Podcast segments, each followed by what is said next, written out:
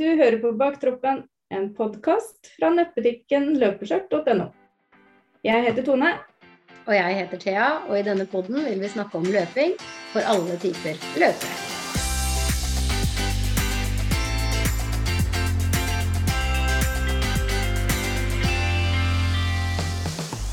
Velkommen til en ny pod, folkens. I dag har vi med oss en gjest som veldig mange har ønska at vi skulle ha med på podden. Og i dag har vi med oss ultraløper og supermann Simen Holvik. Velkommen, Simen.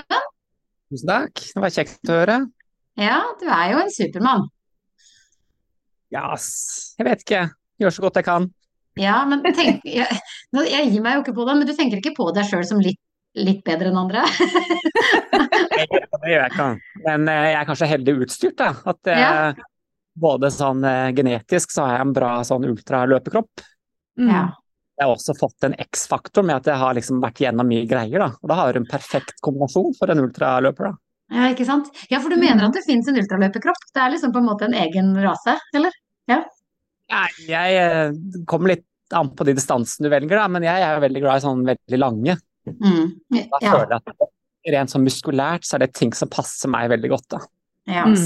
Og det er sikkert sånn muskelfibre som er, eh, funker bra, da.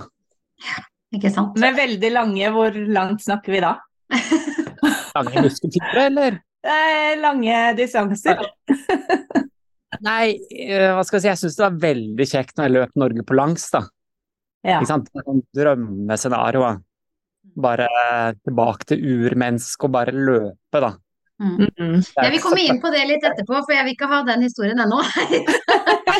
For det, det var jo mitt første, det var mitt første møte med deg, det var da jeg fant ut hvem du var. Men hvor begynte egentlig hele løpeeventyret for deg? Hvem er du? Du kan fortelle litt om hvem du er først. Ja, hvem er jeg? Nei, jeg er født i Sandefjord, da. Vestfold. Mm. Eh, ja, og det ligger mellom Larvik og Tønsberg, for de som, Mm. Det er en liten perle. er en perle. Så vi reiste opp til Tønsberg når vi var uh, type ungdommer da, og russ. Ja. Festeby. ja. Og så, nei, og så reiste, flytta jeg til Stavanger da, når jeg var eh, hva skal jeg si, begynte å studere, og det var jo 97. Og da har jeg bodd der siden, da. Og da er jo vel det nesten 25-26 år, noe sånt. Ja. Eh, og så fikk jeg da etter hvert eh, samboer og ble gift og fikk unger og den pakka der. Og inn i et A4-mønster som var trygt og godt. Mm. var det sånn eh, det begynte, da. Jo, jo, det er jo livet, men, men du, en eller annen plass så begynte du jo å løpe i tillegg. Nei, så det som var min eh, greie, da, som sikkert gjelder en del, er jo at det skjer ting i livet, da. Som gjør at du tar noen vendinger. Så det første var rett og slett uh, min far som fikk hjerteinfarkt. Oh, ja. Det var i eh, 19, nei, 2014, da. Så han overlevde jo dette greiene her, da. Mhm. Men det var noe med å se pappaen sin eh, ligge uh, og bli båret inn i en sjukebil. Mm. Ja, for du så det. Ja, jeg ble ringt til, og de ba meg komme ned, da. Mm. Og det syns jeg var litt uh, Det var tøft. Mm. Og da, etter det, så gikk jeg til legen, og, og på det tidspunktet så var jeg veldig glad, glad i å grille og skikkelig mye god mat, da. Jeg var eh, ja, kanskje 30 kilo mer enn jeg er nå, da. Ja, det kan jeg ikke se for meg. Kjempeblid kar, han. Men han legen han sa det at, eh, at du burde nok gjøre et eller annet. Hvis ikke Ja, så kommer du til å. Da begynte jeg å løpe. Da fikk jeg litt sånn eh, Jeg vet ikke, jeg følte at jeg ikke hadde noe valg, da. Mm. Da begynte jeg å løpe eh, type halvmaraton og Du begynte å løpe halvmaraton. Ja, jeg begynte på det, men det klarte jeg jo ikke å komme gjennom, det første halvmaraton, da. Nei, du gjorde ikke det, nei. Så da måtte jeg stoppe halvveis og fikk en sånn her eh, Da lærte jeg dette her med DNF. Ja. Ja. Tre bokstavs ord som jeg aldri har hørt om før. Nei. Så der var det 'did not finish'. Mm. Og da var det bare å fortsette da, og kjempe seg oppover. Mm. Så da er egentlig pappa sin maraton-type rekord som motivasjon, da. Og det var Ja. Det var eh, 2,52. Oi. Det er ganske bra, da. Det er ganske bra, ja. det blei et mål, da, å jakte det greiene der. Mm. Og når, når, når opplevde du å løpe din første maraton? Ja, jeg løp vel første maraton samme året som jeg begynte å løpe. Og da kom jeg til slutt inn da, på underkant av fire timer, tror jeg det var. Ja, du gjorde det. det. Ja, det er også veldig, veldig bra. Jo, jo, men du Ja. skulle jo jakte denne tiden. Ja, jeg skulle jakte tiden, og så ble jeg veldig frustrert, da. Dette med de sekundene på maraton. At det var så utrolig liksom, tungt og vanskelig, da. Jeg hadde aldri sett for meg at det skulle være Jeg vet ikke, jeg hadde mange, mange, mange løp, da. Mm. Da reiste jeg til type London og Berlin og Frankfurt og alle de store, da. Mm. Men så gikk det jo nesten, eh, kan det ha vært i 2018, tror jeg, ja, tre-fire år, før jeg kom under tre timer, da. Ja. Da ble det eh, Da var Du det liksom slo Ja, da slo jeg på en. ja. Og da, når, når pappa han løp egentlig bare to maraton i sitt liv, og så Ja. plutselig begynte han å løpe. Oi. Den samme greia fikk jeg. At når jeg tok den maratonrekorden, så mista jeg litt av den gnisten, da. Ja. Da følte du at du var ferdig, på en måte?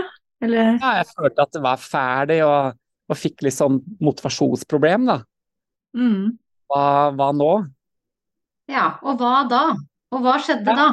Hva skjedde da? Nei, da skjedde jo det her at, eh, at kona mi Camilla, da, hun eh, fikk rett og slett eh, kreft Mm.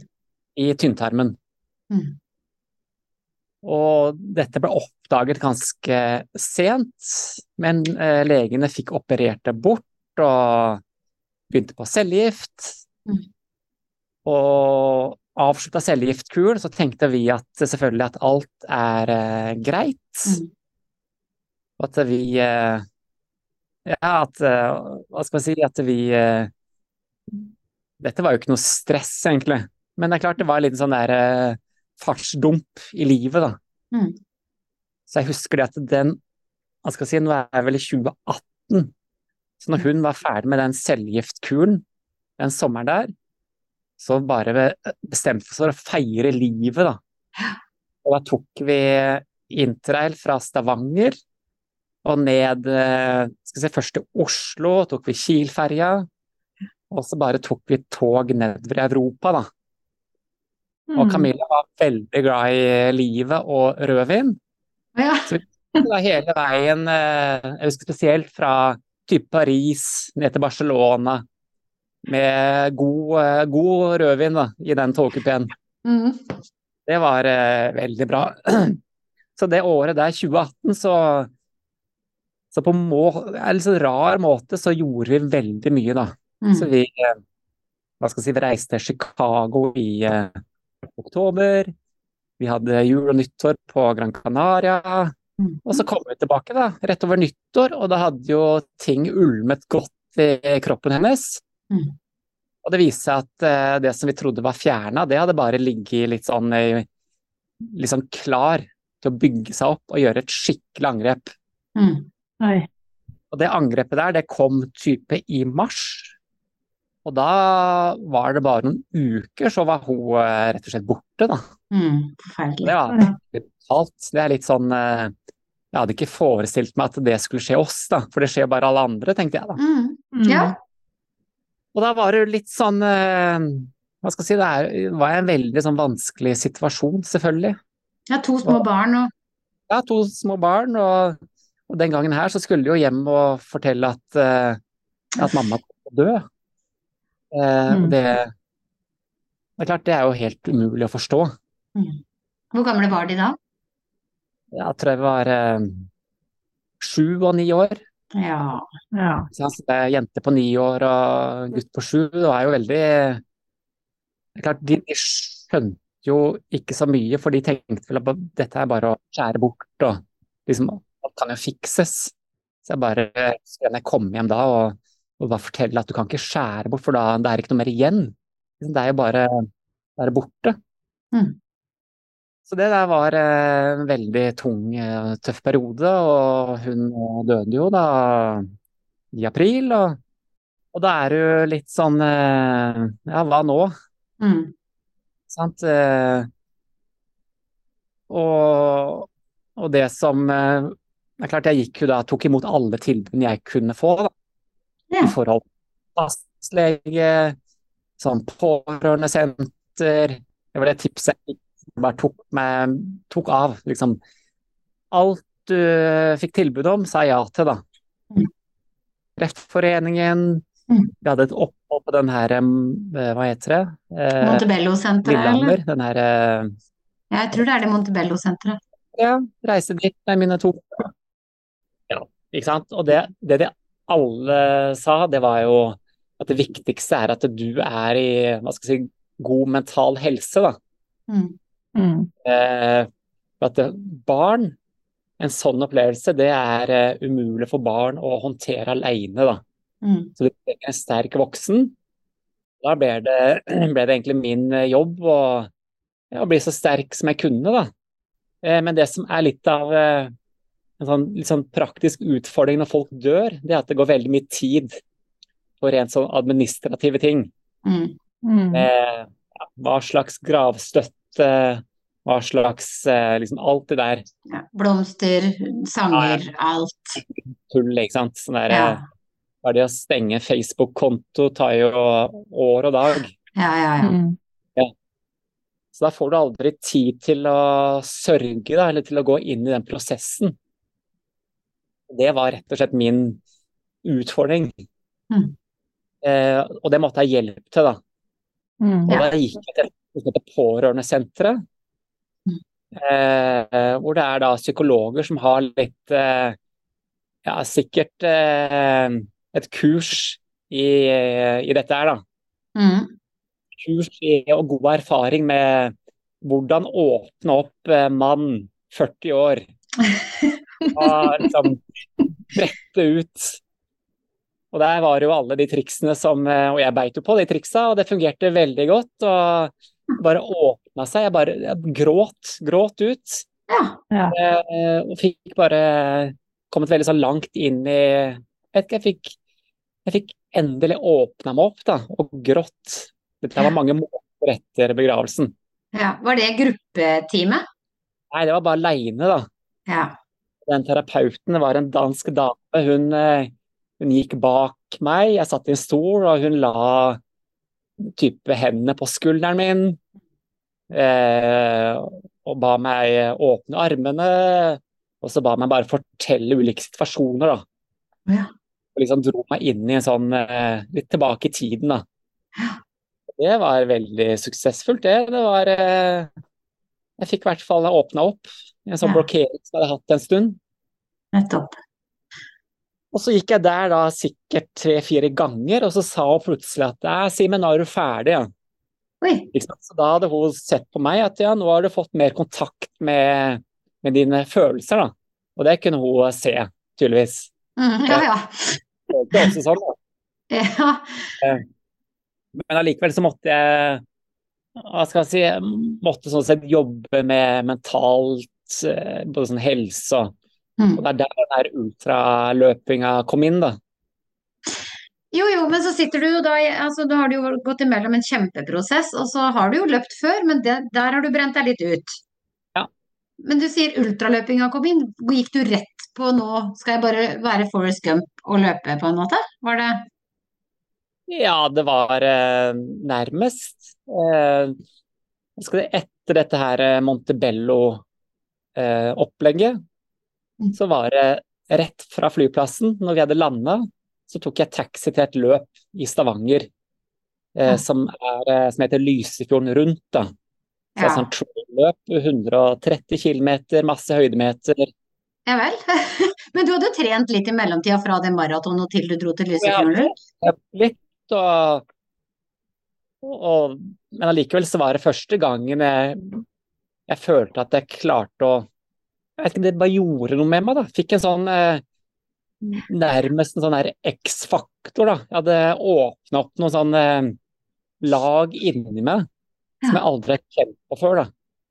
Og det har nok kanskje med at jeg hadde fått mer kontakt med følelser. Mm. Og så hadde jeg opplevd litt sånn ting som jeg syntes var vanskelig og tungt. Mm.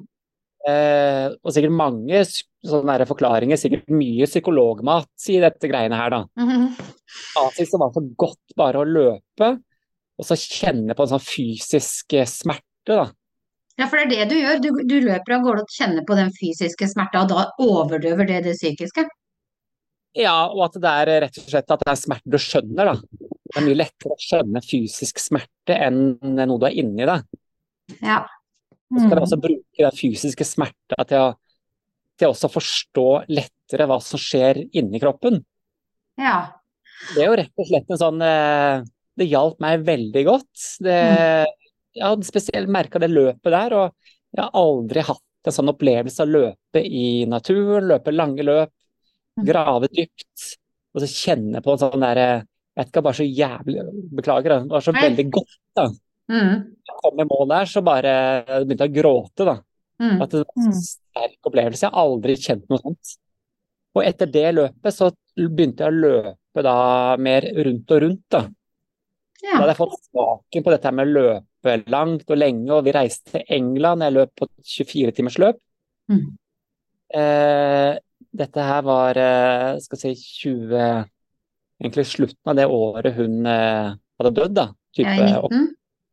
ja, 20, eh, ja, 2019, slutten av det året. Og da hadde jeg løpt bare rundt og rundt. Og så hadde jeg merka at jeg kom bare lenger og lenger inn i eh, Ja, jeg velger nesten å si at jeg kom lenger og lenger inn i sjelen. Så for hver. Etter å ha brukt kanskje de seks første timene på å tenke sånn trivialiteter og, og hverdagslige ting, så bare kom jeg så dypt inn i meg selv, da. Og det var så fryktelig godt, da. Og også ganske vondt. Så når jeg løp der i jeg skal se, det var 24 timer, da, til slutt så bare våkna jeg når løpet var ferdig.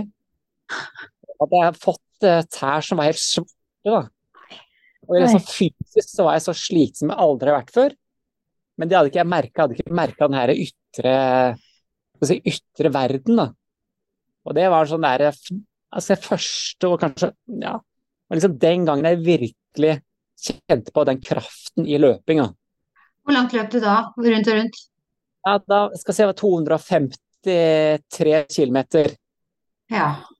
Det var ja, det var egentlig Hadde, hadde ikke det løpet stoppa, så hadde jeg sikkert bare løpt av meg beina da de tærne var eh, svarte. Jeg måtte til legen, og det var mye sånn for å få de drenert etterpå, da. Nei. Det var litt sånn eh, den, den kraften der, den følelsen, det var bare Jeg vet ikke, jeg ble hekta. Jeg ble løpejunkie. Jeg smakte på noe Narkotika, liksom? Ja, rett og slett så var det sikkert noe sånn eh, Sånn som junkiene har, da, at det var bare deilig. Da. Og dit må jeg tilbake. Jeg har tenkt på hver gang siden. Og det er liksom dit jeg lengter hele veien. Bare kjenne på de her eh, ekstremt gode og også litt sånn dramatiske og tøffe følelsene du har, da. Hvor lang tid tar det etter et sånt løp når du får svarte tær og kroppen er helt nedkjørt? Hvor lang tid tar det å komme seg, liksom? Ja, nei, da tar det jo en del uh, uker, da. Men det som ofte tar lengst tid, er jo at du er så mentalt sliten, da. Ja. Og så er det gjerne også at det er eh, de indre organene, samme type lever og nyre, som trenger litt tid på å komme seg, fordi at du har hatt så mye væske som har flydd igjennom. Mm. Og veldig mye, mye salter, mye eh, sodium og sånt, som gjør at kroppen er ikke helt klar. Så det er ikke bare den her, eh, si, den fysiske utsiden, men det er jo hele kroppen, da. Det er jo en kjempebelastning. Ja, det er jo det. Så det er jo det alt jeg merka etterpå, at det er eh, Ja, det tar litt tid før du kommer deg, og det er jo ikke, det er ikke gnagsår du snakker om. Det er litt mer Det er noe annet, da. Men jeg tenker på det at da du løpt rundt og rundt og rundt og rundt. Var det da ideen kom til Norge på langs? Nei, vet du hva, den kom egentlig når eh, noen, si, noen måneder etter Camilla døde. Mm. Da, da bare hadde jeg behov for å lage et stort prosjekt, da. Mm. skulle være eh, større enn meg selv, og jeg tenkte at det var fornuftig å sette et stort mål. Mm. Så tenkte jeg at det var Ja, jeg tenkte at hvis jeg da gjør det, da kommer jeg skikkelig i kontakt med, med følelsene. Ja, for du kan jo ikke jeg, Nå er jo ikke jeg noe snill, men det høres jo ikke ut som du har løpt kjempemye, eller ofte, da, før du setter i gang med Norge på langs. Det høres ut som du har løpt langt flere ganger, men ikke ofte.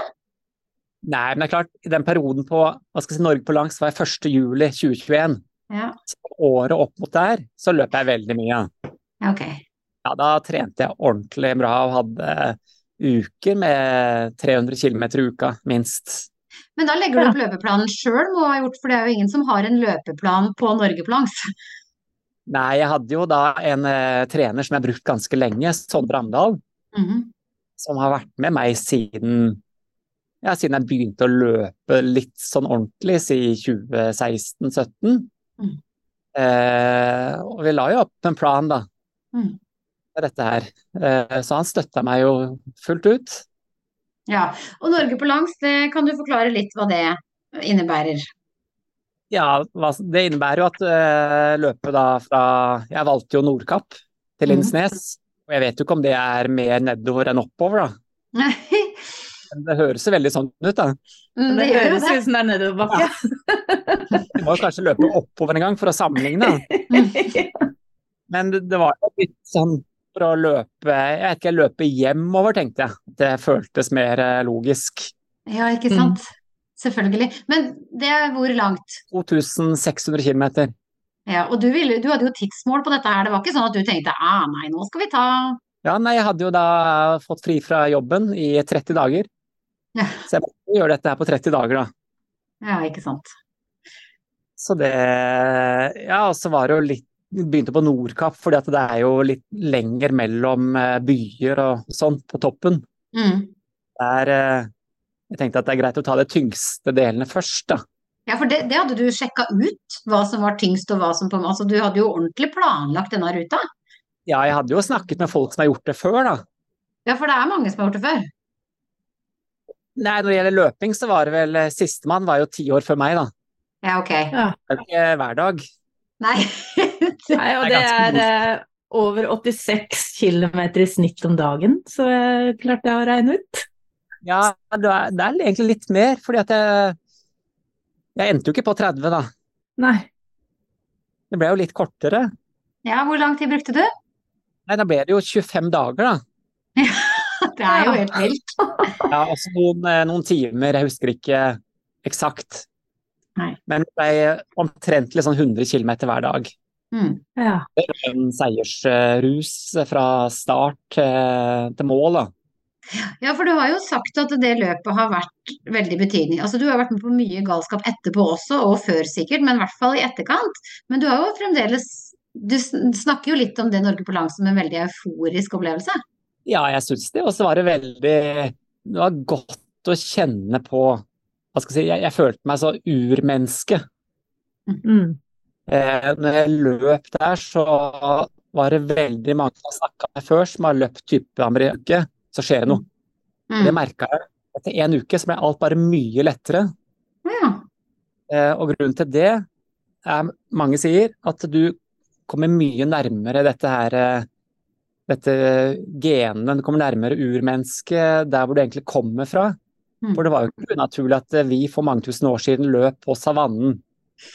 Eh, 100 km hver dag.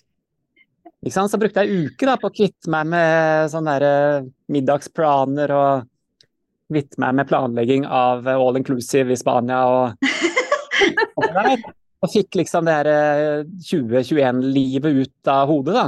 Mm. Og da nærmer deg litt mer eh, det som virkelig betyr noe i livet der og da, og det er jo rett og slett eh, bevege seg framover, og så er det spising, og så er det soving. Liksom de her eh, basic tinga. Mm. det var så godt å kjenne på sånn derre ja, vet Det er så levende.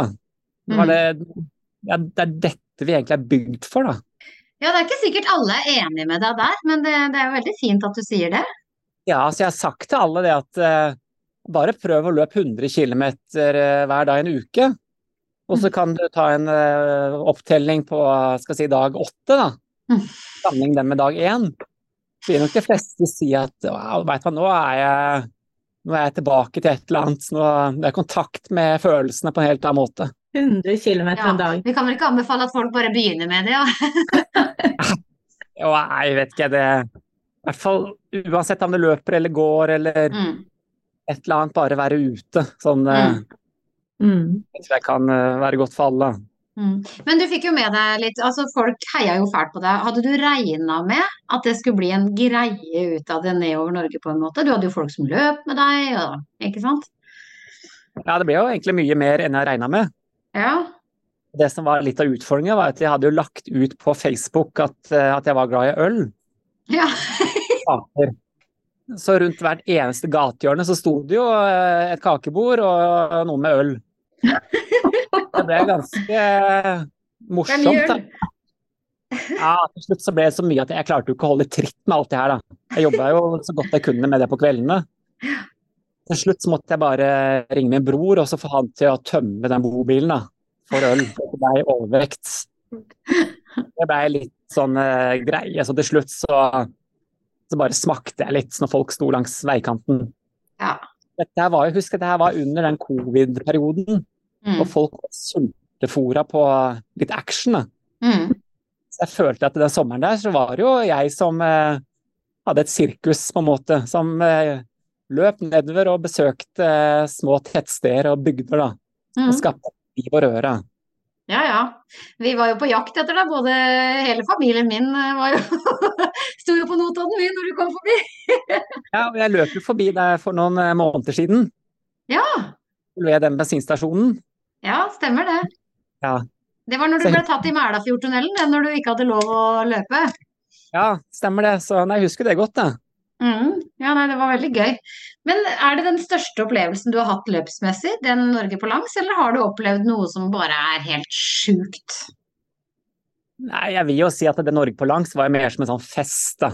Ja. Det var jo ikke Mm. noe, ikke noe sånn løp, egentlig. Det var bare sjokoladepudding og vaniljesaus og ja, gøy og moro. da.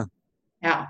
Jeg må jo si at eh, spesielt når jeg kom i mål på Badwater, da, Ja. og ikke minst eh, Spartatlon, så var jo det ja, skal si, Det satt nok litt dypere, men det er noe helt, noe helt annet Mm. enn en det som jeg hadde på Norge på langs. da. Ja, For her er du jo historisk. Er det, er det, er det på Badwater du er historisk? Ja, jeg er i hvert fall eh, første nordmann. Ja, nettopp. Fortell, ja, for du fullførte Badwater. Åssen plass kom du på der? Jeg kom på førsteplass. Ja, å ja, bare sånn casual. Nei, jeg kom på førsteplass. Det var jo en eh, ganske stor eh, bragd, det. Ja. Sånn, eh, ja, både nordisk og hva skal jeg si, i verdens, på verdensbasis. Da. ja, for Badwater, det er jo da eh, hvor langt? Det er 217 km Mm. i dette her Death Valley i USA. Da. Ja, så det er jo en ganske stor utfordring også, for det er vel både varmt, og det er vel der det er noen dyr du ikke er så glad i? Nei, der var ikke så mye Hva skal jeg si, det er noen esler, da. Ja, jeg tenkte mer på disse bikkjene. Ja, nei, det er ikke så mange bikkjer akkurat der. Det er mer i Hellas, altså. Ja, stemmer. Ja. Det er veldig mye bikkjer. Så i Death Valley så er det mer eh, slanger, og så er det sånn coyote, Å ja. coyote Mm. som er type hundegreier. Og så er det noen eh, ja, esler, som sagt. Eh, men så lenge du ikke løper utenfor veikanten, så, så er ikke det noe fare. Nei, og det, og det, da holder du på i 24 timer? Nei, det begynner klokka ti på kvelden, Mm. og så kommer jeg i mål etter 22 timer, da. Ja, ikke sant? Ja, Da har du holdt en bra fart eh, hele veien. Ja, holdt en bra fart, og, og det er jo et løp som eh, er ganske varmt. Mm. Og du har jo ikke noe, det er ikke noe crew fra løpet, så du har med en egen bil med fire stykker, da. Ja. Av én er eh, sykepleier, og så har du en sjåfør, og så har du to som skal peise, da. Skal løpe sammen med deg. Å ja, for du kan det òg, ja. ja. Og det som de peiserne gjør, det er at de løper bak deg, og så tar de og heller halvlitersflaske med iskaldt vann i hodet ditt. Nesten helt. Ja. Hvor mange grader blir det? Hvor mange grader blir det? Nei, eh, jeg skal si når vi begynte klokka ti på kvelden, så var det kanskje 40 grader, noe sånt. Mm. Å, herregud. Da blir det jo litt varmere etter hvert. Ja, det kan du si. Heldigvis så hva skal jeg si, det er jo det stedet i verden hvor det er målt varmest, da. Ja.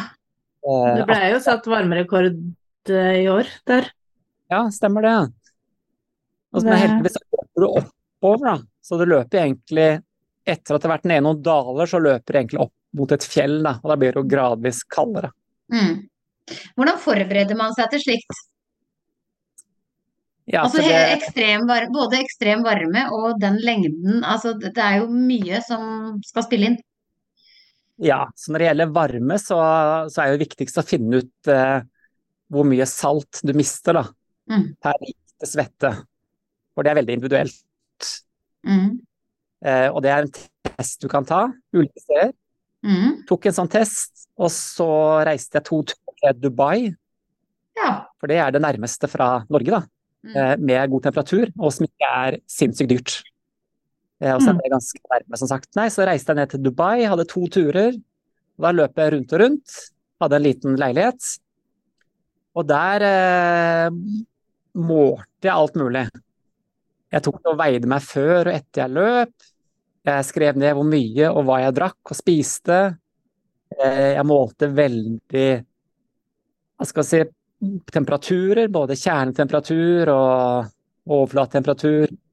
Jeg hadde med en sånn glukosemonitor for å sjekke blodsukkeret.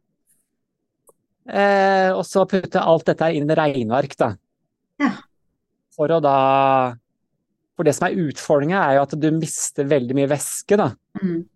Så målet var jo å ikke gå ned mer enn 4% i vekt. Nei. Så Mm. mange av de hva skal jeg si, Hvis jeg ikke klarte å holde tritt med drikkinga, så hadde jeg fint gått ned nesten fire kilo på sånn uh, tur.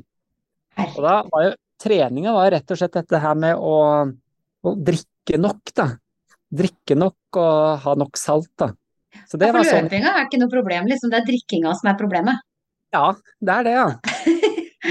Ja. Det er ikke alle som har det sånn, men Nei, det kan du si. nesten vært alkoholiker, da. Ja, det, det, men det går vel i vann for deg, eller er det, er det sportsdrikker? Ja, det går jo i sportsdrikk. Ja, det gjør det, ja. For å få i deg saltene. Ja, så det er jo egentlig det det er saltene som er hovedsaken. Sodium. Mm. Eh, så er det jo ja, magnesium, kalsium, Ja. potasium.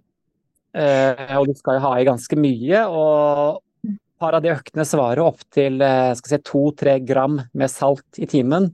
ja, nettopp. Da får du kjørt eh, nyrene ganske godt, da. Ja. Det er derfor de etter de løpene her er litt sånn eh, Da tar de en pause ja. når de har eh, jobben. Hva skjer da, liksom? Etterpå da? Merker det at jeg må på do hele tida. Å ja, du må det. Det må renses, ja. Ja, jeg, jeg tenker, jeg kan se for meg de her Nyren Nyrene består jo av et veldig sånn filtreringslag, da. Masse, masse, masse sånne her eh, små kaffefilter Ja. eh, som skal rense alt mulig. ja ja, det er jo sånn. At de ligger sikkert litt brakk, da, tenker jeg. Mm. Jeg har ikke noe peiling på det, men, men men etter at jeg hadde vært i Badwater, så reiste jeg til, eh, til lege da, for å ta ultralyd av nyrene. Ja, du gjorde det, ja. Ja. At, de, at det ikke var noen varig men, da. ja. Og det var det heldigvis ikke. Nei. Det som er frykten, er at du skal løpe på deg ting som gjør at du blir eh, liksom satt ut, da. Ja. Mm. Men det er jo ikke så veldig lenge mellom Badwater og Spart Spartatlon. Jeg klarer ikke å si det, men du skjønner hva jeg mener. Ja, jeg skjønner det der. Eh, Ja. Det var juli Badwater, og så september, ja. Spartatland. Ja, det er ikke veldig lenge mellom de to ekstreme løpa. Nei, det er ikke det. ja. Og det måtte jeg bryte opp med den turen eh, via Notodden, da. Ja, stemmer det. Løp med sekk på ryggen og sovepose og liggeunderlag og telt. Ja. Og jeg gikk på en sånn her eh, loffetur, da. Ja, for det, ettersom jeg forsto, så var den turen via Notodden, den var jo da for å komme til et annet løp. Ja, jeg skulle Egentlig så måtte jeg være på Hva heter det? Eh, ikke Fåvang, men ja, rundt der, da. Ja. Eh, for å holde et foredrag Ja. fredag kveld. Og da tenkte jeg den mandag morgen så bestemte jeg meg, og så fikk jeg avklart med ungene da, på barnevakt. Du er OK om jeg er borte en uke? Ja, det var greit. OK, da bare løper jeg. Og da begynte jeg å løpe liksom fra der jeg, nærmest der jeg bor, da. Eh, fikk kjørt, noen fikk kjørt meg gjennom en tunnel. Begynte å løpe derfra, og så hadde jeg da fem dager til å komme til Oslo S. Ja. Jeg så at jeg, vet, jeg rekker ikke å løpe helt opp til Lillehammer. Så jeg måtte sikte meg på Oslo S og ta et tog som gikk klokka to på fredag. Herregud. Det gikk jo greit, det, da. Eh, men det er litt sånn, de turene her er jo utrolig god sånn avkobling og avveksling fra Badwater og alt det her. Mm. Du er aleine, du har ikke noen plan, du har ikke noe folk. Hører du på noe på øra? Ja, da blir det mye musikk. Mm. Høre på. Mye podkaster, mye Mm. Og så er det litt pauser av det òg, da, sånn sett. Mm. Så det var jo en flott tur, det. Og jeg husker det at når jeg kom til hva skal jeg si, Hokksund, husker jeg. Så kom jeg der veldig seint, da. Og da var jo plutselig alt stengt. Alt av hoteller og overnatting og campingplasser. Jeg kommer der klokka ett på natta. Og da tenkte jeg faen, nå veit du hva. Eh, fant jeg en sånn eh, bensinstasjon oppe i gata. Fikk Mm. lada telefonene og alt. Kjøpte en bolle og en kaffe. Mm. Satte jeg på Da satte jeg på um, The Doors, en sånn live-album. Og så bare bestemte jeg meg for å løpe liksom retning Drammen, da. Mm. Det var helt sånn euforisk å løpe der, eh, på disse små veiene. Med litt lys fra lykten, og så høre på god musikk. Og så bare kjenner du soloppgangen og Det er noe Det er sånn eventyr, det greiene der. da. Ja, det er jo et eventyr. Altså, du er jo et eventyr. Ja, jeg prøver jo å leve livet, da. Ja, det føler jeg at jeg er en god representant for, da. Det kan du trygt si. Også, men da fortsetter du altså til, til Spartatlon. Så Hva da, skjer der? ja, hva skjer der? Eh, Jeg reiste jo da ned en uke før. Mm. For du har jo, jeg skal bare si det, for du har jo Ja. et dårlig minne fra Spartatlon. Når du kom i mål der forrige gang, så var ikke det Da var du ikke i form. Nei, så jeg har egentlig ganske mange dårlige minner fra å løpe i Hellas. Ja. Jeg har løpt ganske mye på landsbygda der. Eh, og det er et eller annet med at det er mye hunder, da. Mm. Der nede så er jo ikke hunder, det er jo ikke noe kjæledyr. Men det er, Det er jo det. eh, det er kanskje det òg. Men det virker jo ikke sånn mot meg, i hvert fall. Nei. Det er, jo, det er jo mange episoder hvor jeg bare har hatt eh, Jeg følte at nå, nå ble jeg spist opp. Ja. Eh, men så klarer jeg alltid på en måte å redde meg ut av situasjonen. Selv om jeg føler at de puster deg i nakken. Ja, ja. Frykten der som, har, eh, som alltid har vært litt sånn eh, Som sitter i meg, da. Det er litt vittig, unnskyld at jeg sier det, men her er det en mann som løper alene midt på natta, ute på skogs. Altså, mordere er vi ikke redd for, men bikkjer? Ja, og det Jeg syns ikke det er rart, for at når de bikkjene opptrer i flokk, da, Ja. så, så sier det liksom Alle sier at ja, du må Bikkjer kan, kan føle frykt og Mm. gjøre så godt du kan da, med å liksom ikke vise noe frykt. Men det er liksom veldig enkelt. Nei. Når jeg løp der nede en periode, når jeg hadde en tur alene en gang med ryggsekk hit og dit, Mm. så hadde jeg med, med hundespray, da. Ja, det husker jeg. Ja. Ja. Men det som jeg etter hvert lærte, det var at, at de ville jo egentlig ikke spise deg opp, da. Det tok ganske mye jeg skjønte. skal bare passe på type territorier. Eh, og hvis du plutselig kommer litt for nærme, og de kommer etter deg, så bare stopp, vær rolig og beveg deg rolig ut av situasjonen. ja, nettopp. Så jeg har aldri egentlig vært i noen ordentlige sånn her eh, Jeg har ikke måttet legge meg ned og rulle meg rundt som en ball og beskytte ører. For hvis Nei. hver gang jeg ser en hund, da, at han ser på meg som sånn uh, god mat, en biff. Det er det du tenker. Jeg tenker det, ja. Men da var det Du har vært med på Spartatlon to ganger? Tre, tredje gangen Tre ganger, ja. Eh, og hvis jeg ikke husker feil, fra nest, eller nå forrige gang, altså ikke nå, men forrige gang der igjen, så var du dårlig når du kom i mål. Jeg har egentlig vært dårlig hver gang jeg kom til mål. ja, ja, du bare skjuler det godt, si. Ja, nei, så det er jo Hva skal jeg si Og sånn var vel gjerne også denne gangen òg, at du, du blir jo litt eh, si, satt ut, da. Både fysisk og mentalt. Ja. Hvor langt er Spartatlon? 246 km. Ja, og du bruker da, nå sist så brukte du Ah, jeg pleier å si 22 timer, jeg. Jeg pleier alltid å si det. Ja. Jeg tror det er det. ja. Nei, men, men i hvert fall for da kom du på en veldig bra plassering. Ja, jeg gjorde vel egentlig ikke det, men jeg kom vel topp 20, da. Ja, det er jo kjempebra. Er det der vi har den videoen fra deg når det står noen og sier nå, dette har du så fortjent, det er så bra, det er bare en kilometer igjen eller et eller annet sånt nå? Ja, vet du hva, det var i år, da. Ja, det er den jeg mener. Ja, det er der, ja. Stemmer det. Ja, Da var det jo veldig godt å komme der og så se han Eyolf, heter han. ja. Det er jo rett før mål. Det kommer Ja, for mål. der kommer du på bra plassering. Ja, der kom jeg på andreplass. Nettopp, ikke sant? Det er også helt sånn historisk. eh, Folk var litt sånn sjokka. Ja, det husker jeg. Det føltes litt i rekken, da.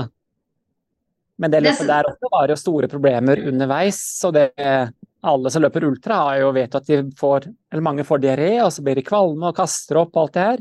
Mm. Det skjedde meg jo det, da, etter en veldig dårlig frokost. Å nei! Jeg hadde jo en leilighet nede i Aten rett ved starten. Og før jeg skulle gå på løpet, så tenkte jeg nå skal jeg spise ut alt jeg har av kjøleskapet. Nei. Det var jo skikkelig teit, da. Så der var det jo Husker jeg hadde noen sånne eh, sardiner, Nei!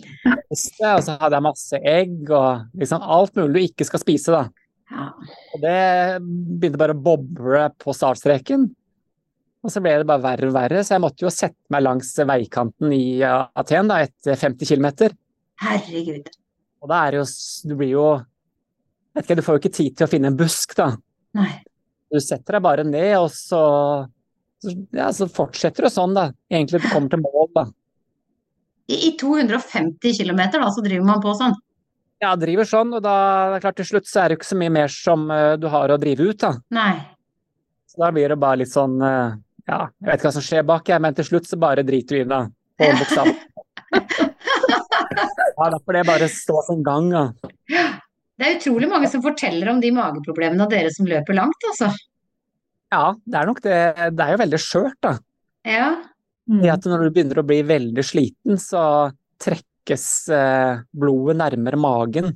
Mm. Og fokusere på type vitale organer, da. Mm. Ja, for du sier jo det litt om det med de indre organene som får seg en trøkk. Det gjør jo sikkert også mager og tarmer og alt, på en måte.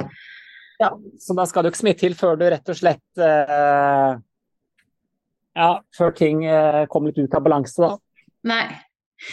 Fordi, men jeg skal bare si det, det som er så koselig når jeg ser den videoen, det er det jeg skulle si. Når han sier 'det her har du så fortjent, det her er så bra', så svarer du 'jeg er ikke framme enda, jeg er ikke framme enda', eller et eller annet sånt. Det er én kilometer eller noe igjen. Jeg er ikke i mål, jeg er ikke i mål.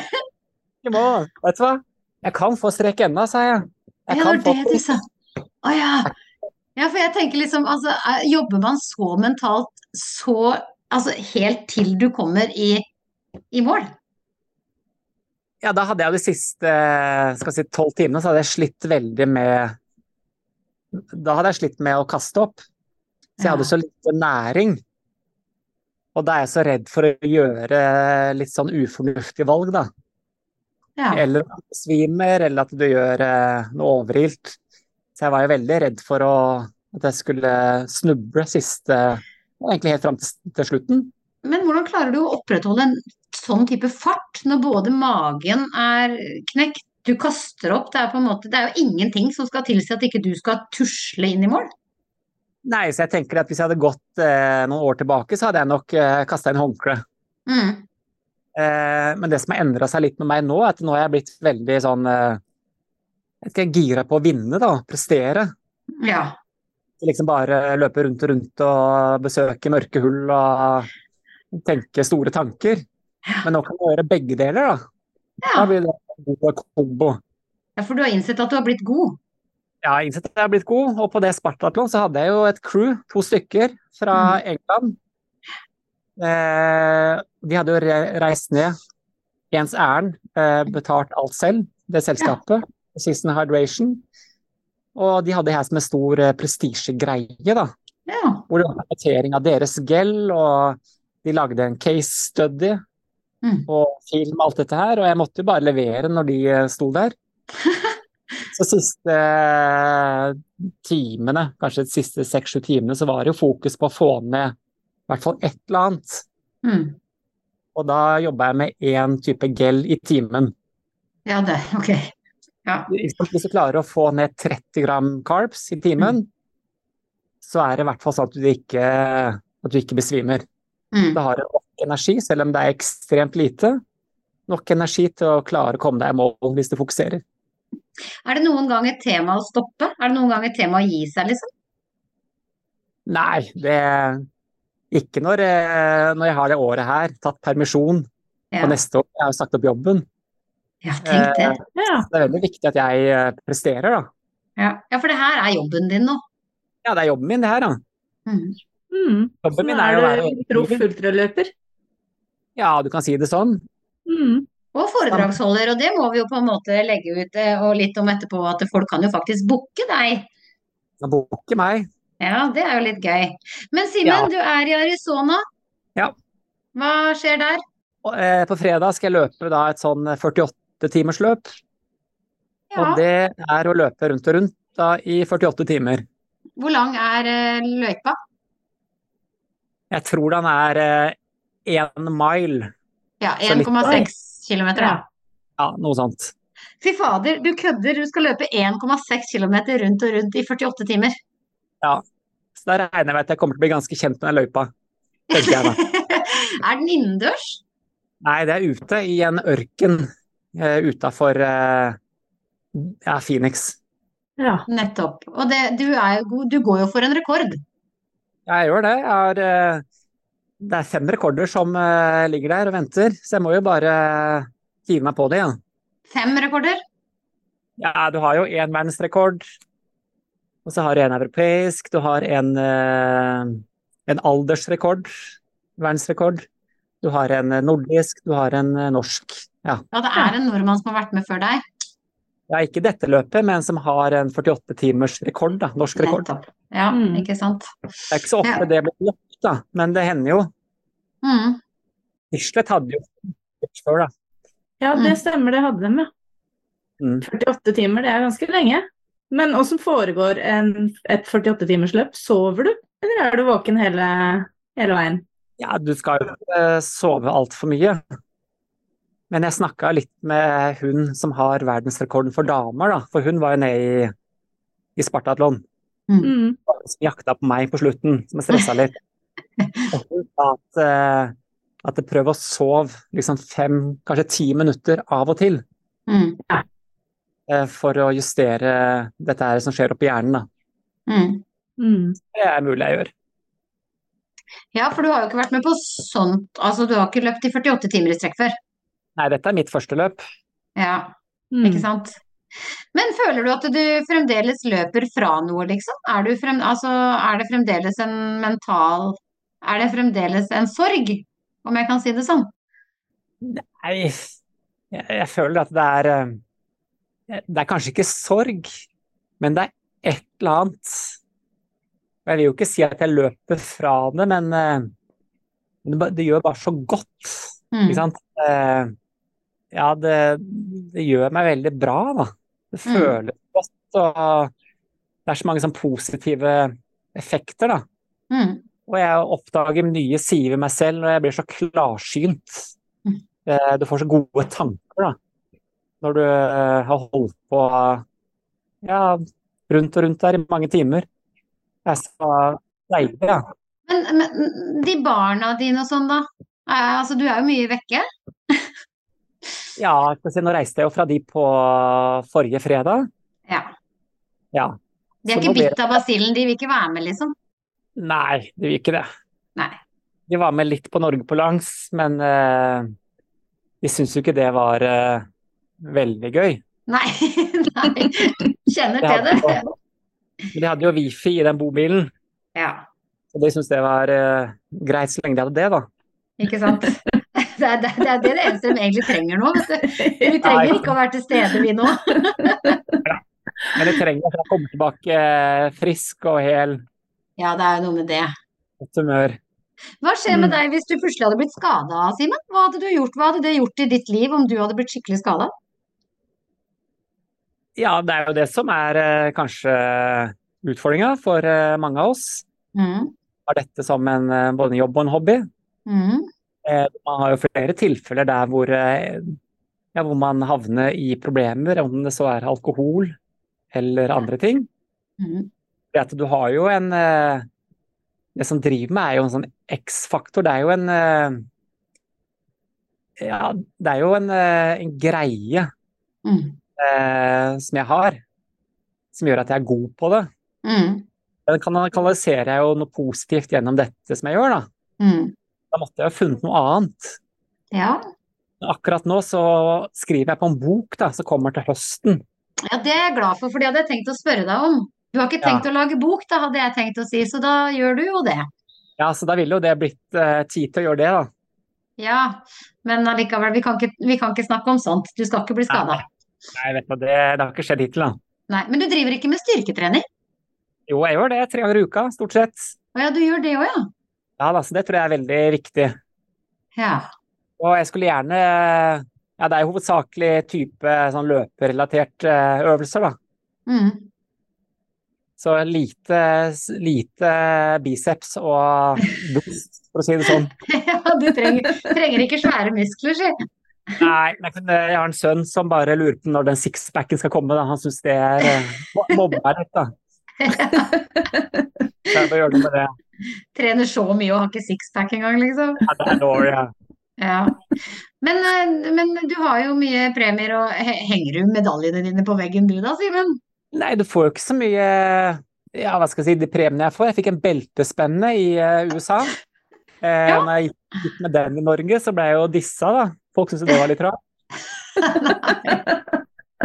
Ellers så fikk jeg noen i Hellas, da. En, eh, en sånn greie til å henge på veggen. Ja. Eh, Nei, jeg vet ikke helt hvor de er, alt det der. Nei, Ja, sånn stort forhold til det, nei, det blåser du liksom. Ja da, det er ikke noe Jeg husker ikke det. Nei, det gjør ikke det, nei. Men, men har du opplevd noe skikkelig Altså, hva er det verste løpsopplevelsen din, utenom de hundene? For jeg skjønner at de er traumatiske, men du må jo være en skikkelig ræva opplevelse i forhold til løping? Jeg, jeg føler jo at mange av de løpene som har gått veldig dårlig, så har det gitt meg noe, da. Ja. Jeg løp jo f.eks. Oslofjorden rundt et år. Mm. Eh, og da på natta så skal du løpe inn i en sånn eh, inn i en sånn bondegård, hvor det da var kuer. Og det husker jeg var en veldig dårlig opplevelse.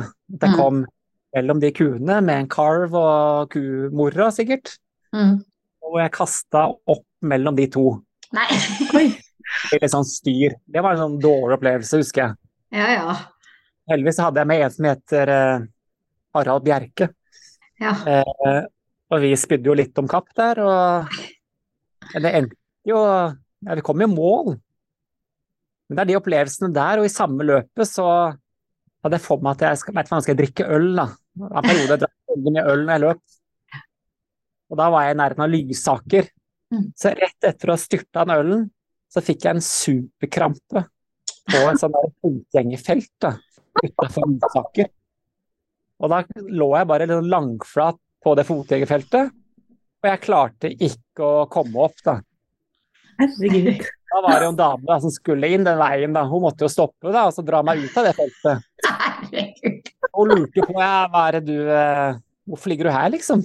Lukter litt øl kanskje da òg. Lukter litt sånn øl, og så er det joggesko, og så lurte på hva det er for noe. Hun fortalte jeg at jeg løper jo egentlig fra Jeg løper jo egentlig fra liksom eh, ja, andre sida av fjorden. Ja. Skulle jeg liksom eh, nedover til, Horten. Ja. Eh, ja, jeg syns jo det var litt spesielt, da. Ja. Det jo, men allikevel så kom jeg meg etter hvert på beina, da, og fikk liksom kommet meg i mål, da. ja. Sånne ting. Jeg har ikke hatt noen opplevelser som har vært eh, Du har ikke tryna ned noen skrenter. Men du, fordi, fordi vi snakka jo med hun Heidi Episode 23 med Heidi By Svartangen, hvis noen vil høre på den. Ja, det var riktig. Den er fin, den. I hvert fall hun forteller jo veldig mye om hallusinasjoner og ting underveis. Men du sa i stad at det har ikke du opplevd? Jo, jeg har vel egentlig det, da. Ja. Det er vanskelig å vite hva som er virkelighet og Det er jo spesielt på det her Spartatlon. Så, så løper du stort sett alltid aleine. Ja. Så er det på natta. Når du løper da, så, så er det ofte at disse her tingene i veikanten blir dyr, eller mennesker, eller Mm. Mm. synsforstyrrelser, da. Mm. Og så skvetter du litt til når du ser at oi, det var jo bare et skilt, eller Mm. Det er litt har- at du leker litt med det, da. Ja, og du har ikke, for hun sa jo at hun kunne jo faktisk gå og prate med en liten nisse som gikk ved siden av henne, på en måte. Ja, Det nei, jeg bare, nei, jeg har bare sett ting. Hvis Ja. jeg blir litt skremt, da. At det som jeg trodde var et gammelt ektepar i veikanten klokka tre på natta, det var bare et, eh, et, eh, et skilt. ja, ikke sant. Ja. Jeg tror jo hva man ser. Ja, så blir jeg så glad ikke når sola kommer, Ja. og så alle trollene forsvinner. Det er utrolig godt, da. ja, ja. Det er litt sånn eventyr. Mm. Men det som er, nå har du jo dette her som eh, du går jo for eh, litt rekorder og sånn, og så hva, hva skjer etterpå nå da? Ja, etterpå da så må jeg planlegge da neste år Mm. i forhold til å få inn sponsorer, da. Mm. Og jeg selger meg litt. eh, selger meg inn de Jeg har jo hatt litt foredrag, og det er jo Mm. god respons på det. Ja. Mm. Alle ønsker å Mm. høre om både eventyr og og bedrifter ser jo at dette er noe som kan funke rent motivasjon og strategi og sånt. Mm. Det er jo litt arbeid der. Ellers så skal jeg til eh, Brasil og løpe 11. januar, da. Det er jo neste. Ja, og hva, hva er det da? Det er eh, rundt 200 km, da. Mm. En eh, sånn der grusvei, da. Som er en Mm. pilegrimslede ned til en eh, kirke. Ja, er det et løp, eller er det bare fordi du har lyst? Nei, det er et løp. Mm. Det løper jeg i, i år. Mm. Eh, og, og de ville bare ha meg tilbake, da. Ja. Ja. Og det er jo kjekt. Ja, vant du? Eh, nei, jeg lurer på om jeg kom på andreplass. Ja, jeg lurer på det. Du Ja, i hvert fall tror ganske høyt. Du er jo vanvittig høyt oppe i alle løpa dine nå. Altså, du er jo på pallen. Ja, det er jobben, altså. Jeg må jo levere. Jo, jo. Man kan ikke være best i alt. Nei, jeg kan ikke det. Men eh, nei, jeg har jo funnet kanskje min nisje, da. Mm.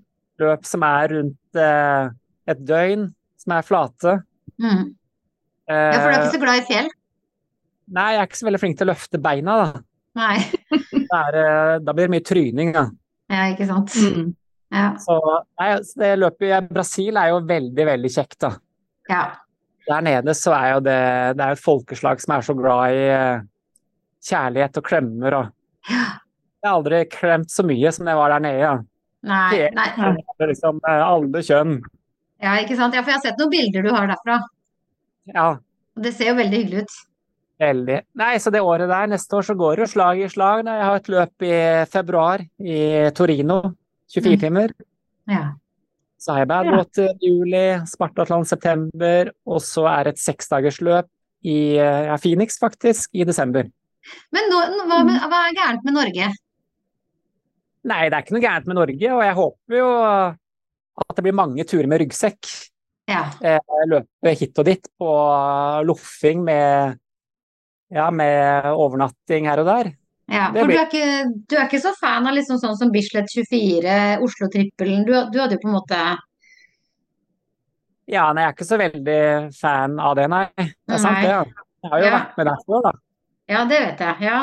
Men det er liksom Og- på en måte Ja, du liker jo litt utenlands? Passer jo aldri helt med den Bislett. Nei.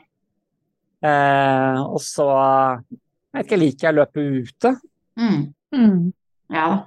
Jeg har litt konkurranse, at det er flere folk. Ja. Da må du Mm. dessverre ut av landet. Ja. Hvor Det er finner du alle disse løpene?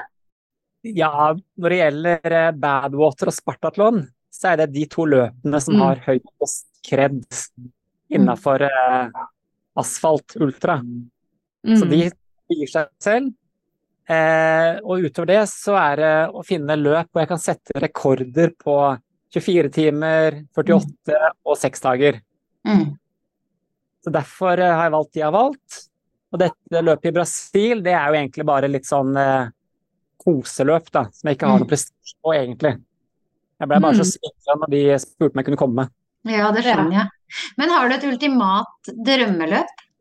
Ja, det ultimate drømmeløpet tenker jeg hadde vært å, å løpt Europa på langs, da. Aleine. Ja. Ja.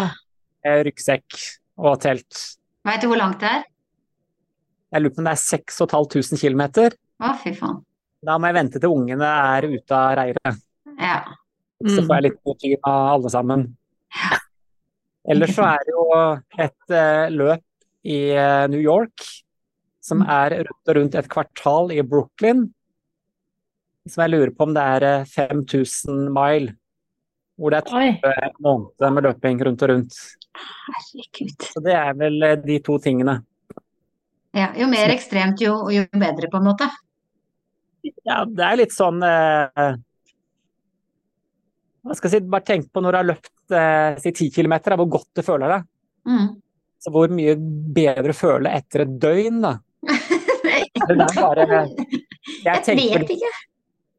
nei, at det er eh, litt sånn drugs, da. Ja. Mm.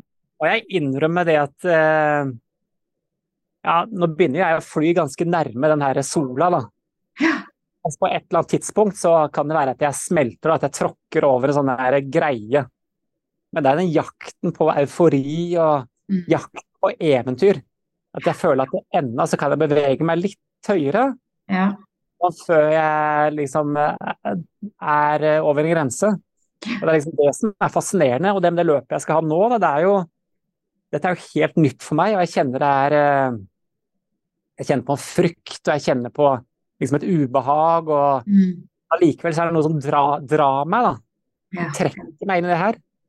Det er fordi at det bare Dette er enda et knepp opp på det her eh, Knepp på den her eh, liksom skalaen, da, når det gjelder uh, craziness. Da. Men, men, men det må jo, som du sier, det stopper jo til slutt. Det må jo på en måte være Oi, der, der var det ikke noe kulere, på en måte. Ja, og da tenker jeg kanskje at da har jeg funnet min eh, greie, da. Ja. Begynne å bake brød isteden, eller eh, Eller ta Norge, Europa på langs. Det, den tar jo litt tid før man kommer til. Ja, og det er det som jeg syns er godt med de løpene bare med sånn eventyr.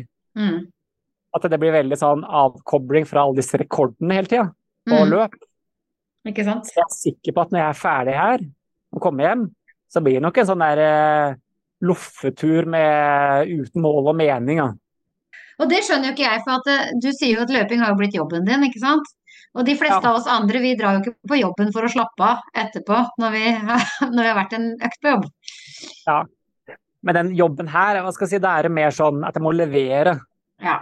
Og så er det er godt å bare gå ut og ikke levere.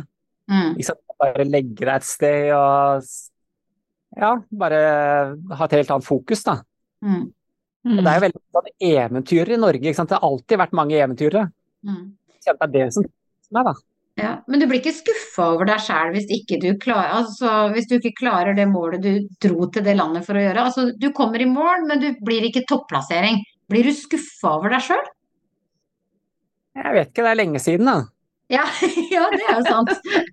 Det er jo sant. Si, det gjelder jo Jeg vet ikke, nå er jeg på litt annen plass enn der jeg var før. Mm, Jeg, jo, jeg ble veldig skuffa i fjor på Spartatlon. Mm, Eh, men ofte så vet du jo hvorfor du har endt som det har endt, da.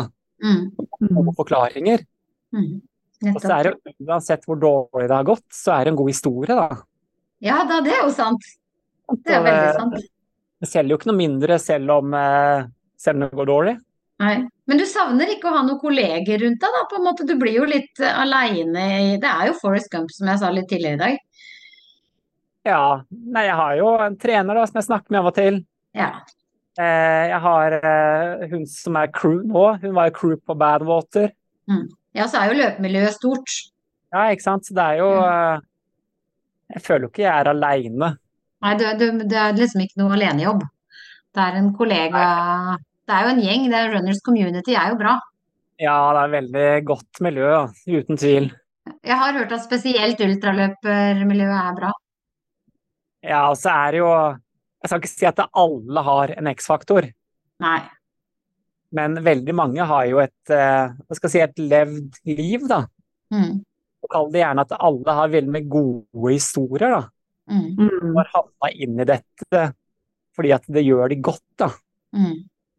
Mm. Så jeg syns hele ultramiljøet, og spesielt eh, ja, både nasjonalt og internasjonalt, så er det jo en gjeng med fantastiske mennesker, da. Mm. Ikke sant? Som ikke er nødvendigvis A4, men som, eh, ikke, som kanskje går litt foran og, og viser at det er lov å tørre, ikke sant. Det er lov å, å drømme. Og så er det lov å slenge ut målene, ikke sant. Så selv i dag så står det på NRK, ikke sant. Simen skal ta verdensrekord. Jeg så det. Det ligger jo litt eh, press. Mm. Men det er noe med å tørre å våge, da. Mm. kan hoppe i det. Og det er liksom enten så må du ta noen valg, enten eller. Og det er bare hoppe i det med begge beina. Det tenker jeg er noe alle kan gjøre. Mm. Trenger ikke å løpe ultraløp, men eh, sånn livet generelt, bare kjenn etter i magen hva, som, hva du brenner for, da. Mm. Plutselig så kan det være at alt er snudd opp ned, og at du ikke fins mer, eller at det, Mm. ja, ting er endret seg. Men hvordan kan man få tak i deg hvis, du, hvis vi har lyst til å høre på deg, da? Du, driver jo og foreleser litt rundt omkring. Ja, jeg har, eh, jeg har litt foredrag. Mm. Det er bare å, å kontakte Jeg har jo en, eh, sånn, et, eh, en agent som heter Showpeople.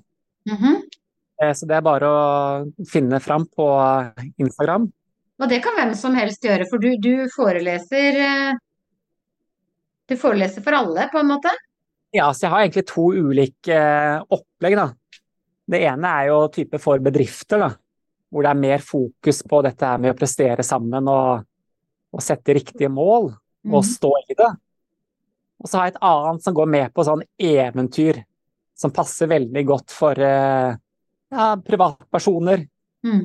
Eh, som ikke trenger å, å ha fokus sånn eksplisitt på dette her med prestasjonsfremming og sånt. Mm. Men Mm. jeg har lyst til å bare høre gode historier.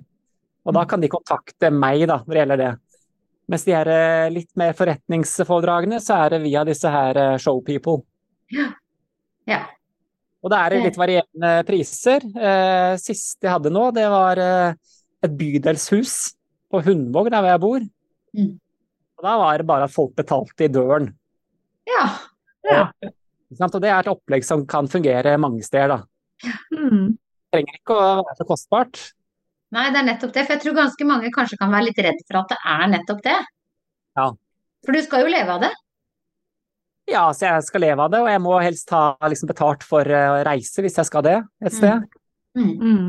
Eh, og så gjerne litt sånn inntekt. Mm. Men når det gjelder eh, Man finner alltid løsning. Mm. Fordi at det er klart, eh, det er jo et annet betalingsvillighet eh, si villighet om du heter Equinor, Aker BP eller eh, en liten løpeklubb. Mm. Absolutt. Og jeg har bare fortelle historier og det som jeg holder på med, da. Mm.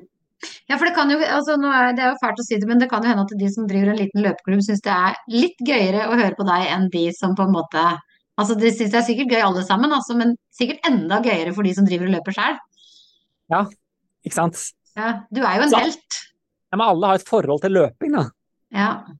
Så jeg tror, eh, selv om kanskje det jeg gjør oppfattes litt som ekstremt, Mm. så kan alle kjenne på en følelse. Og alle kan liksom kjenne luktene og kjenne smerten når du snakker om eh, liksom diaré eller Mm. oppkast og dette her, hva som skjer under løpene. Mm. Kan heller bare ta bort en null da, eller to når det gjelder sånn distanser og Mm. ikke sant? Det er jo samme, samme opplegget, samme mekanismene. Mm. Mm. Ett ben foran det andre. Mm. Det er noe sånn universalt, da. Og det Nei, det er jo et eventyr alt sammen, da. Mm. Vi må ha gøy, ja. Ja ja, du lever på en måte drømmen. Ja, jeg lever drømmen. Jeg må prøver å si det til meg selv, da. Mm. Men har du noe å falle tilbake på? Nei, jeg har jo en utdanning, da. Jeg er jo utdanna type sivilingeniør, og Ja. hvis uh, dette går i dass, så kan jeg jo alltid begynne på, jeg vet ikke, uh, stå i en butikk. Ja, du kan jo gå tilbake på kontor. Jeg kan det, ja. Ja. Det Men klart. eh, som sagt, det er jo målet å uh, få dette til å gå rundt. Mm. Ja da, vi venter bare på boka vi nå. Og heldigvis er det jo mye eh, selskap der ute, Mm. og folk, da, Mm. som ser at dette er jo Ikke at han Jeg er ikke noen sånn veiviser, da. Men jeg føler jo litt òg at, at jeg viser at noe går an. Mm. At det- det er mulig å hoppe av livet sitt, gjøre endringer og følge drømmene og så? Det er jo det budskapet som jeg ønsker folk skal få med seg, da. Mm. Nettopp. Det er viktig, ja.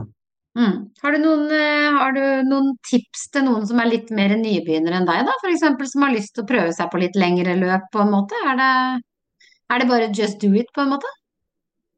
Ja, jeg, tenker at du må finne noe som motiverer deg. Gjerne sette opp et eh, eller melde på et løp som er litt langt fram. Ja. Eh, Når det gjelder trening, så ville jeg fokusert på mange økter på veldig lavt tempo. Mm. Eh, og så ville jeg hatt mye forskjellige sko. Bytta sko ofte. Mm. Både gå fra de som er null dropp og med dropp og ulike modeller, ulike merker. Mm. Eh, og så ville jeg jo rett og slett eh, hatt det kjekt, da. Mm. Eh, når jeg kom langt inn i det her, så var det veldig mange turer hvor vi løp 100 km, en gjeng. Mm. Og det som dro oss gjennom det, var jo at vi stoppa på hver eneste pub i de stedene. Ja. For de som drikker øl, så er jo det gøy òg, da. Jo da, men jeg, jeg kan jo ikke Altså, jeg klarer jo ikke å gå til byen engang hvis jeg har tatt meg noen øl, og så driver dere og løper mens dere har tatt dere øl. Det er jo Ja, det også er jo en trening, da. ja. Jeg tror ikke vi skal begynne å trene på det. Nei. Bare fokusere litt. Ja. Nei da, men du tror ikke det er sånn at alle kan? Alle kan ikke løpe 200 km. Jo, jeg tenker at alle kan det. Det, det gjelder å finne urmennesket sitt, da. Mm. Eh, Det er jo genetisk så er jo vi veldig like, liksom alle sammen. Ja. Og det er der vi kommer fra. Det er der vi, det, er det som er eh, som ligger i oss. Mm. Jeg- Jeg tror ikke jeg er bygd for å løpe veldig fort maraton. Nei. Det har liksom aldri menneskeheten gjort sånn historisk, da. Men vi har jo vært eh, trekkdyr, og vi har jo vært på savannene og fanga antiloper. og Mm. Genetisk så er vi veldig flinke til å løpe langt og lenge, da. Mm. Å finne tilbake til røttene. Tenker jeg finne roen, da. Ja, ja. kan. Det, det høres jo fint og flott ut, det, men det, jeg kan ikke se for meg at jeg noen gang skulle stikke av gårde og løpe 200 km. Men det, er Nei, plutselig, vet du, så ja. Vi lar det være. Er det noe mer du har lyst til, Tone? Er det noe mer du vil eh, Ja, vi har uh, fått et par eh, lytterspørsmål. mm. Eh, vi har fra Jo Are Stubmo. Han sier vi dødelige som må krabbe i to uker etter en maraton. Hvordan skal vi trene for å kunne løpe lengre, like langt uten å dø? Han må jo ha startet et sted, han også. Ja. Nei, jeg også syns det er veldig slitsomt å løpe fort, da. Mm. Så etter maraton så er jeg fryktelig sliten. Mye mer sliten enn eh, enn det jeg er på Badwater, da. Mm. Ja. Eh, Så forskjellen er jo at eh, på Badwater så har jeg mye mer sånn indre slitasje i selve organene, Mm. men forholdsvis lite sånn fysisk. Og en rask maraton så er det nesten motsatt, tenker jeg da. Mm. Blir, blir du støl? Nei, jeg syns ofte det er litt vanskelig å Jeg er kanskje støl hele veien. Jeg. Ja.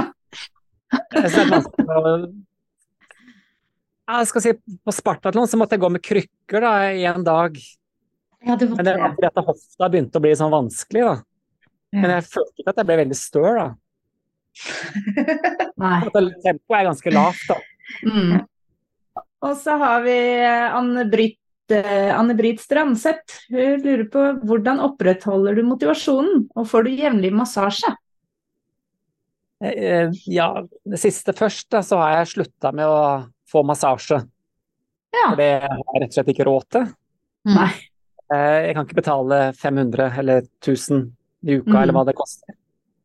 Så det jeg kutta ut. Eh, og motivasjonen er jo det at det er, eh, det er løp der ute som, eh, ja, som jeg har lyst til å, å vinne. Mm. Jeg har lyst til å ta, ta de rekordene som passer meg. Da. Jeg har lyst til å ta 24 timer, nordisk Mm. rekord. Mm. Ta verdensrekord 48 timer, verdensrekord på seks dager. Mm. det altså vet ikke, Kanskje det er et ønske om å ha noe til ettertiden, da, og bli sett og alt det her. Sikkert noen sånn psykologiske eh, ønsker der. Mm. Det er jo fordi at jeg føler meg i mitt livs form, da. Mm. Mm. Det er jo det som driver meg. Rent sånn. Jeg tror ikke man trenger å psykolo- psykologisere liksom alt, eller sykeliggjøre alt. Mm. Det er bare at jeg er skikkelig god form, og jeg synes jeg, er, jeg har så god tid i perioder i livet. Ja, ja. Det motiverer meg bare å fortsette. Fortsette å ha det sånn. Ikke sant? Ja, for nå var det en stund siden du ikke hadde kommet på topppallen, så da er det jo ikke vits i å spørre hva gjør du hvis du ser at dette her blir ikke noe toppavsending. Det er ikke sånn at du tenker at nei, vet du hva, nå bare kutter jeg ut, jeg gidder ikke å komme på tiendeplass, jeg, altså. Nei. Jeg tror jeg står eh, løpet ut, da. Ja. Ja. Så er det jo den her eh, Du ønsker jo å smake på den her eh, junkie-greiene, da. Du Mm. eh, Mm. blir jo hekta på endorfiner og Mm. alt det der. Det er jo en salig miks av hormoner som, som gjør deg lykkelig oppi topplokka. Nettopp. Så godt å høre egentlig at du vil fortsette uansett. Det er ikke bare plasseringene som drar deg. Nei, for jeg tenker det at, at selv om du kanskje gjør et dårlig løp, så Mm. har du smakt på eh, mye følelser, da. Mm. Liksom, du har lært deg selv å kjenne bedre enn da du starta det løpet. Da. Det Mm. er alltid et eller annet å oppdage eller å lære å kjenne på. Mm. Og det er jo en, eh, så er det kult, da. Ja. Mm. Men du har i hvert fall gladere tanker nå enn du hadde når du starta med det. Ja, det er helt, helt klart. Og nå, nå løper jeg egentlig for å ta rekorder og for å vinne, og fordi at det gjør godt. Ja, ja ikke sant. Så var det egentlig litt sånn for å rømme ut av et eller annet. Ja, Mm. ja, Så jeg er jo sånn sett på et bedre sted nå enn jeg var før, da. ja, ikke sant. Mm. Ja, Var det er flere, Tone? Nei, det var det. det var det. Nei, har du noe mer du vil si da, Simen? Nei, jeg bare kjenner det at det begynner å bli litt sånn varmt bak i nakken. Ja, du skal få lov. Vi, vi gjør Simen solbrent før han skal ut og løpe Jeg 48 sitter i timer. Arizona. Nei, men kan vi ikke bare si tusen takk for at du hadde lyst til å være med på den lille podden vår? Det var veldig Mm. kjekt. Og så får du break a leg på fredag, var det da? Ja, fredag klokka åtte på morgenen, så da, Ja. Arizona-tid. Ja, så må trekke fra åtte timer, da. Så blir det norsk Mm. tid. Ja, så da er vi på torsdagskveld eller torsdagsnatt. Nei, blir det ikke fredag ettermiddag? Jo, det gjør det. Jo da, det gjør det. Det blir sånn som nå.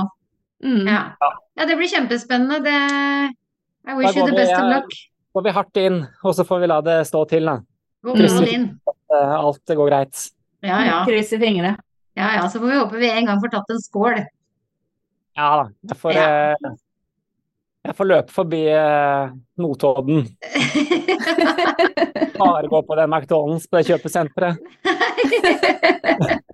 Ja, men da har jeg bare igjen å si takk for i dag. Mm. Takk det samme. Ja, Lykke til. og lykke til. Ja. Yes.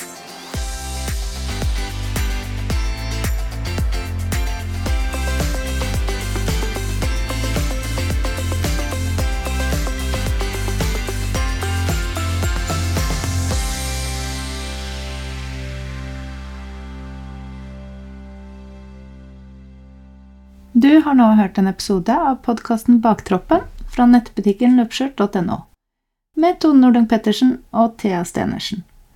Podkasten er redigert av Ailin Marking Nordang. Hos Løpskjørt finner du et stort utvalgt treningstøy og praktisk tilbehør til deg som løper. Nettbutikken finner du på www.løpeskjørt.no.